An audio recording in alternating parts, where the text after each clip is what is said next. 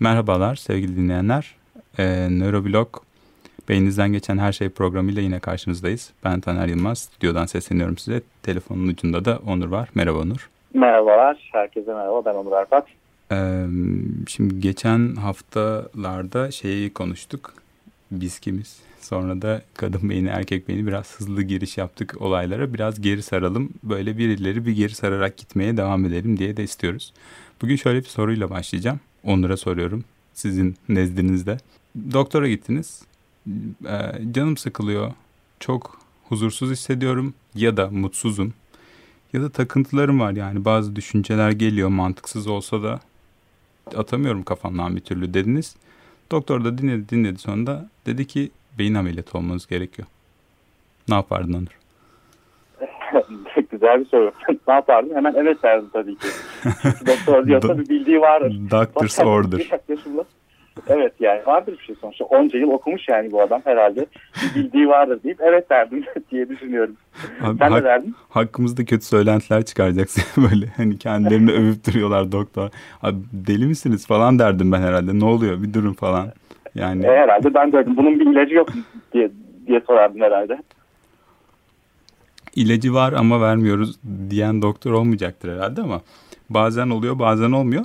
Biraz buradan başladık konuya çünkü gerçekten ilginç bir fenomen var. Ee, daha e, stigmatize olmuş, daha böyle kullanılmak istenmeyen adı psikoşirurji. Ama e, bunun çok daha eski örnekleri var. Biraz oradan başlayalım. Beyne direkt müdahaleler. Onur buyur sen başla istersen. En eski dünyanın bilinen en eski beyin cerrahisinden bahsedeceğiz. Trepanasyon adı veriliyor. Trepanasyon e, aslında eski Yunanca delmek e, kelimesinden geliyor. E, Hatta bölüyor hemen bölüyorum. Trepanama pallidum var. Değil mi? Aa, Frengi. Evet. Frengi'nin. Evet doğru. O da delici bir şey olduğu için e, mikroorganizma olduğu için dokuları deldiği için adını oradan alıyor hatta. Evet doğru. Trepanasyon da delmekten geliyor. Bu yani tarihi ta günümüzden 10 bin yıl öncesine kadar giden yazıdan bile eski bir beyin bir, bir çeşit beyin cerrahisi. E, bugün işte programımızın adı hani e, nöroblok beyninizden geçen her şey. Bugün e, işte beynimizden geçen kesici ve delici aletleri ve o aletlerin yaptıklarını konuşacağız aslında. E, çok eski bir beyin cerrahisi türü ve bütün dünyada enteresan bir şekilde yayılmış. Yani hmm. e, ta binlerce yıl öncesinden Güney Amerika'da, Afrika'da, Asya'da, dünyanın her yerinde hatta metal aletler geliştirilmeden önce bile e, biraz böyle kulağa e, çok kötü geliyor ama sivriltilmiş taşlarla hatta tahtayla bile insanların kafa taslarını deldiklerini görüyoruz tarihte. O beyne müdahale edilecek şeklinde. Evet o beyne bir müdahale edilecek. Yani insanlar o e, şeyin kara kutunun içinde ne olduğunu merak etmişler. E, ve bunu aslında bir e, şey olarak tedavi yöntemi olarak da kullanmışlar. Yani enteresan bir çeşit beyin cerrahisi ve daha da garip olanı bizim bunu hala bugün kullanmamız. Gerçi belki oraya daha sonra geliriz ama bu bir çeşit beyin cerrahisi ve işte kafa delme insanları insanlar 10 bin yıldır yapıyorlar. Öyle mi? Peki yani gerçekten cerrahi mi? iyileştirme amacı taşıyor mu? Yani mesela belki de bu bir ne bileyim anestezi olmayınca insanın aklına işkence yöntemi falan diye geliyor. Ya da öldürmek için. Öldürmek amaçlı değil mi? Öyle bir şey de olur. Evet bunu da aslında insanlar sormuşlar. Yani ilk başta şöyle çıkmış. İnsanlar dünyanın bir takım yerlerinde işte delik kafalar bulmuşlar. Yani bayağı işte Güney Afrika'ya gidiyorlar, işte Amerika'ya gidiyorlar vesaire. Her tarafta delik kafa var. Yani bu ne ola ki falan diye düşünüyorlar. Sonra fark ediyorlar ki bu delik kafaların sahipleri e, ameliyattan sonra bir süre yaşamışlar. Nereden anlıyorlar bunu da? Bu kafalar delinmiş ama delindikten sonra insanlar yaşamaya devam etmiş ki iyileşme izleri var. Yani sonuçta ölü bir insanın kafasını deldiğiniz zaman iyileşme izi görmezsiniz ama e, bu insanlarda bu de, delinen kafalarda iyileşme izleri var. Yeni kemik oluşturmuşlar ve bir miktar iyileşmişler. Enteresan bir şekilde e, bu bir iyileştirme yöntemi olarak ortaya çıkmış. Kökenine baktığımız zaman esasında en eski yazılı kaynak e, burada eski Mısırlılarda geliyor. Orada Edwin Smith papürüsü vardır meşhur. Dünyanın en eski tıbbi belgesidir bu. Milattan önce 1600 yıllarına tarihleniyor. Orada gerçekten şey böyle mistik bir havası var trepanasyonla ilgili e, anlatılan. işte e, kötü ruhları çıkarmak, işte insanı delilikten kurtarmak gibi bir takım e, amaçlara hizmet ettiği görülüyor. E gerçekten de işte şey muhtemelen insanlar işte bunu 10 bin sene önce yaptıklarında da e, bunu düşünmüşler ama e, tabii ki o zaman onların kötü ruhları çıkarmak olarak düşündükleri şey muhtemelen bugün günümüzde akıl ve beyin hastalıkları olarak bildiğimiz hastalıklardı. Ee, bir yandan tabii insanı biraz böyle dehşete düşüren bir taraf var. Ee, işte anestezi yok, e, antibiyotik yok. Bu günümüzün koşullarında bir insanın kafatasını antibiyotik olmaksızın açmayı düşünmek bile korku verici. Ee, hem ameliyatı yapan hem ameliyatı olan için öyle olsa gerek. Yani bir şekilde ama buna rağmen yaşatmayı başarmış, başarmışlar. Bu e, güzel taraflarından birisi.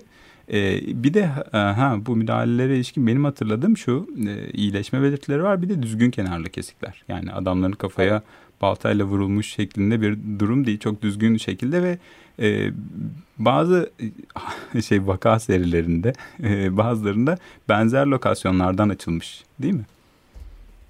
Evet yani e, bunları bir teknik olarak geliştirmiş insanlar ve hani ya da o dönemin hekimleri diyelim artık ve yani be, işte belli hastalıklarda beynin belli bir yer ya da kafatasının belli bir yerinden açmışlar. İşte belli durumlarda açmışlar, açmamışlar. Hatta e, enteresan bir şekilde bunların hani hangi durumda ne, neresinin beynin e, açılacağına dair bir takım bugün baktığımız anlamda kılavuzlar da yazmışlar. Yani bugün işte tıp e, uygularken bizim belli e, manuellerimiz var, belli kılavuzlarımız var. O dönemler kafa delmek için de bir takım kılavuzlar varmış ve insanlar bunu kullanmışlar. Özellikle kötü ruhları ve deliliği ortadan kaldırmak için müdahaleler, trepanasyon. Ee, bunların ikisi aslında birbirinden biraz farklı şeyler değil mi? Yani kötü ruhlarla delilik ikisinin arasında böyle bir nüans var. Çünkü kötü ruh başka bir şeye atıfta bulunuyor. Yani doğaüstü güçler dolayısıyla bir müdahale işte o biraz daha eski bir teori. Ee, ya da delilik diye adlandırılan davranış bozukluğu her türlüsü muhtemelen e, ya da nörolojik bozukluklar bilmiyorum onları sen daha iyi bilirsin belki birazdan bahsedersin.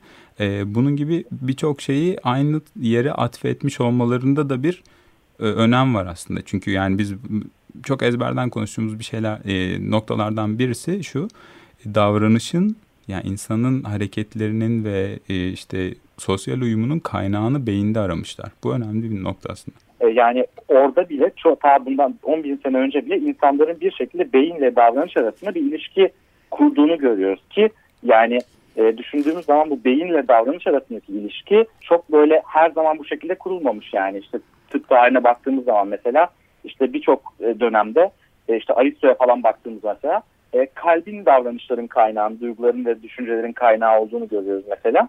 Kare... E, ama bir şekilde Hı. beyinle de ilgili olduğunu e, insanlar o dönemlerde varsaymışlar ve e, davranışları iyileştirmek için kafatasını delmenin ve beyne ulaşmanın gerektiğini düşünmüşler evet. Yoksa onlardan önce karaciğere kadar iniyor yani davranışlar. Safranın artışından bahsedecek olursak karaciğere kadar iniyor evet. davranışlarımızın temeli e, şu anda karaciğer daha çok davranışların sonucu falan gibi görülebilecek bir noktada olsa da. E, şimdi evet. deliyorlar kafayı. Bununla ilgili eğer e, internette e, araştıracak olursa dinleyicilerimiz e, delilik taşı diye bir şeyle karşılaşacaklardır. Ondan da bahsetmeden geçmeyelim istedim ben de.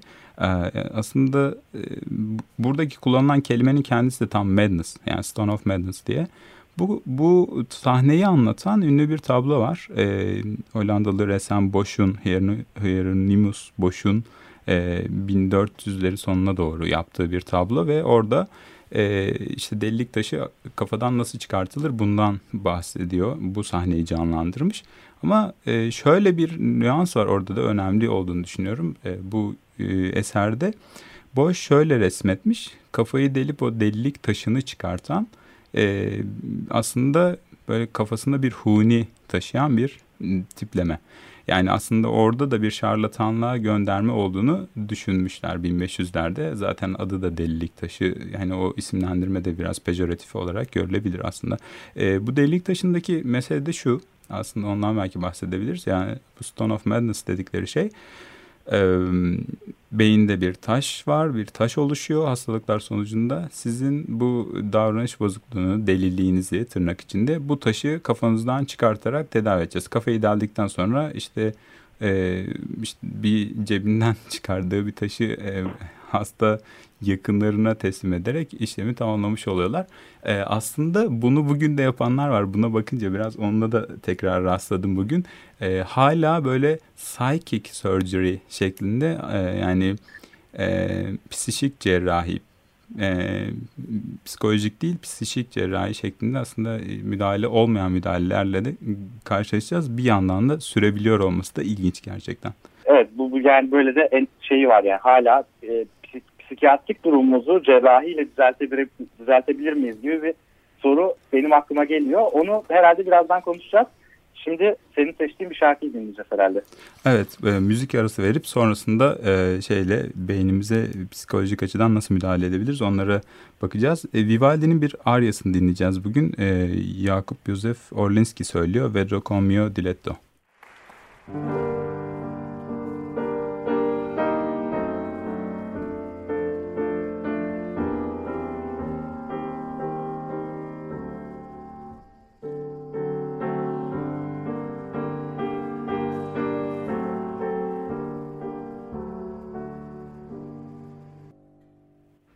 Merhabalar tekrar. 94.9 Açık Radyo'da beyninizden geçen her şeyi konuşmaya çalışıyoruz Onur'la.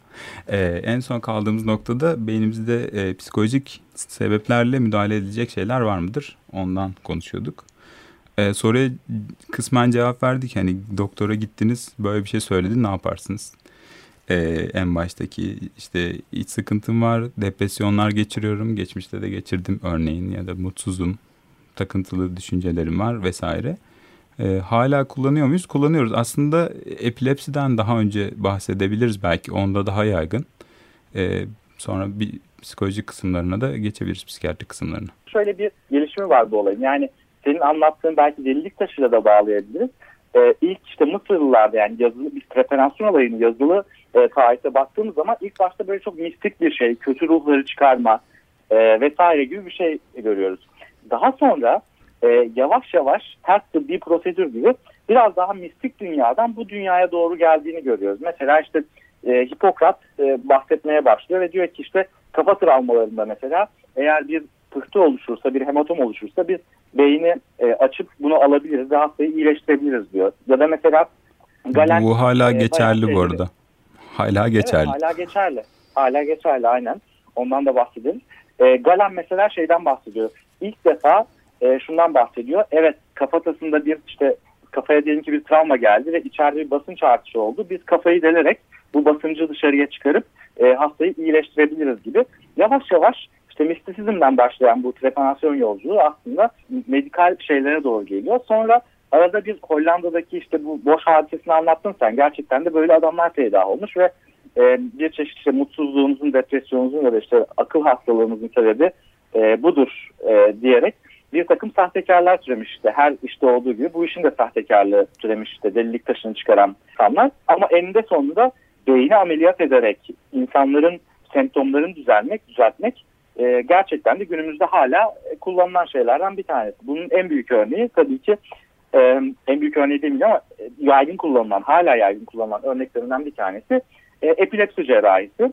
E, epilepsi ya da SARA adıyla bilinen hastalık da bazen gerçekten de beyinde yapılan görüntüleme çalışmalarıyla ve EEG'lerle beyindeki elektrik aktivitesini ölçerek e, tam olarak epilepsinin nereden kaynaklandığı bulunabiliyor.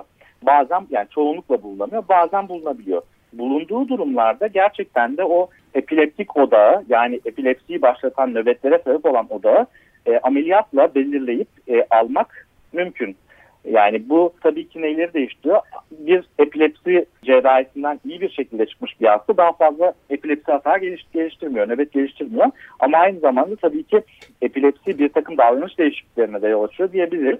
O davranış değişiklikleri de ortadan kalkmış oluyor. Bir şekilde dolaylı bir yoldan aslında epilepsi cerrahisi bir çeşit psikocerrahi sayılabilir bu anlamda belki davranışlarınızı değiştirmesi açısından. Ee, sadece epilepsideki davranışlar değil daha direkt e, psikiyatrik rahatsızlıklarda da kullanılıyor. Tabii ki hemen ilk e, randevuda psikiyatrik cerrahiye yönlendirme gibi bir şey olmuyor. E, fakat şöyle durumlar biliyoruz. Mesela kaygı bozuklukları, e, depresyon ve ona benzeyen duygu durum bozuklukları, obsesif kompulsif bozukluk gibi takıntıların olduğu rahatsızlıklar ilaçlarla tedavi ediliyor. Çeşitli ilaç tip e, tipleri var bunlar çeşitli aşamalarda kullanılıyor fakat her şeye rağmen uygulanan bütün tedavilere rağmen dirençli bir hastalık e, süreci ile karşılaşabiliyoruz. Bu %10 ila %30 arasında saptanmış. Aslında geniş bir aralık ama yani her 10 hastadan 1 ila 3'ü tüm tedavilere rağmen hastalığı sürdürebiliyor. Bu durumlarda artık öyle eskiden olduğu gibi kafanın bir tarafından açıp değil tabii ki ama e, çok e, çok daha spesifik, çok daha özgül noktalara ve çok daha küçük müdahalelerle e, rahatsızlıkların sıklığının azaltılmasına yönelik tedaviler hala uygulanıyor. Bu aslında hani işin içinde biri olarak bile beni hala şaşırtan bir şey.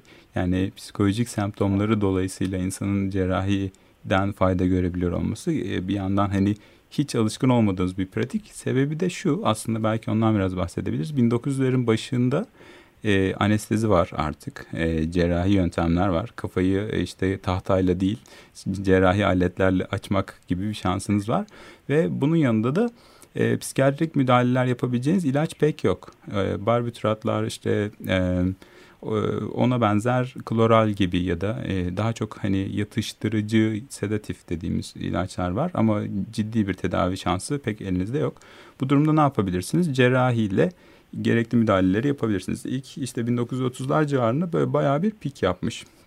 Beyin cerrahisiyle müdahaleler. İşte lobotomi aslında frontal lökotomi daha uygun bir e, şey tabir bunun için. Yani frontal lobu beynin geriye kalanından ayıran bir kaba bir müdahale aslında beynin ön lobunu yani.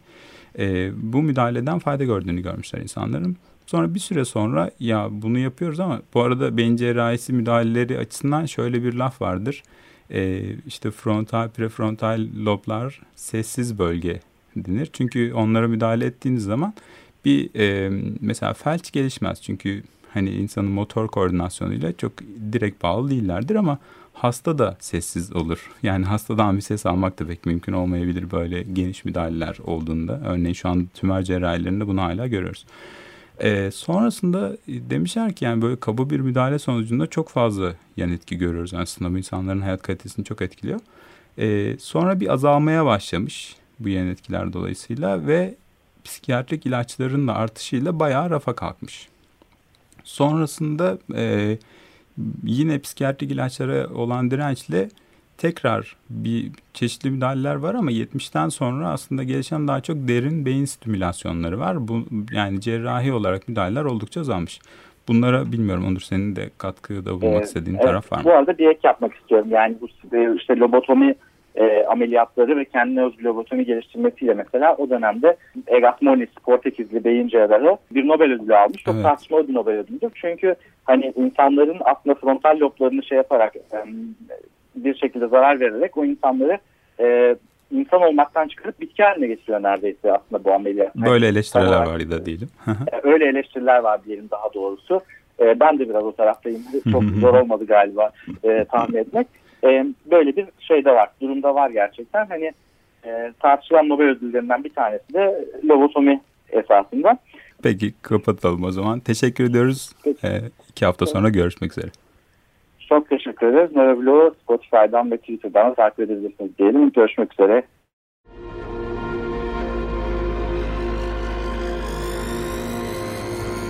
Nöroblog Beyninizden geçen her şey. Hazırlayan ve sunanlar Onur Arpat ve Taner Yılmaz.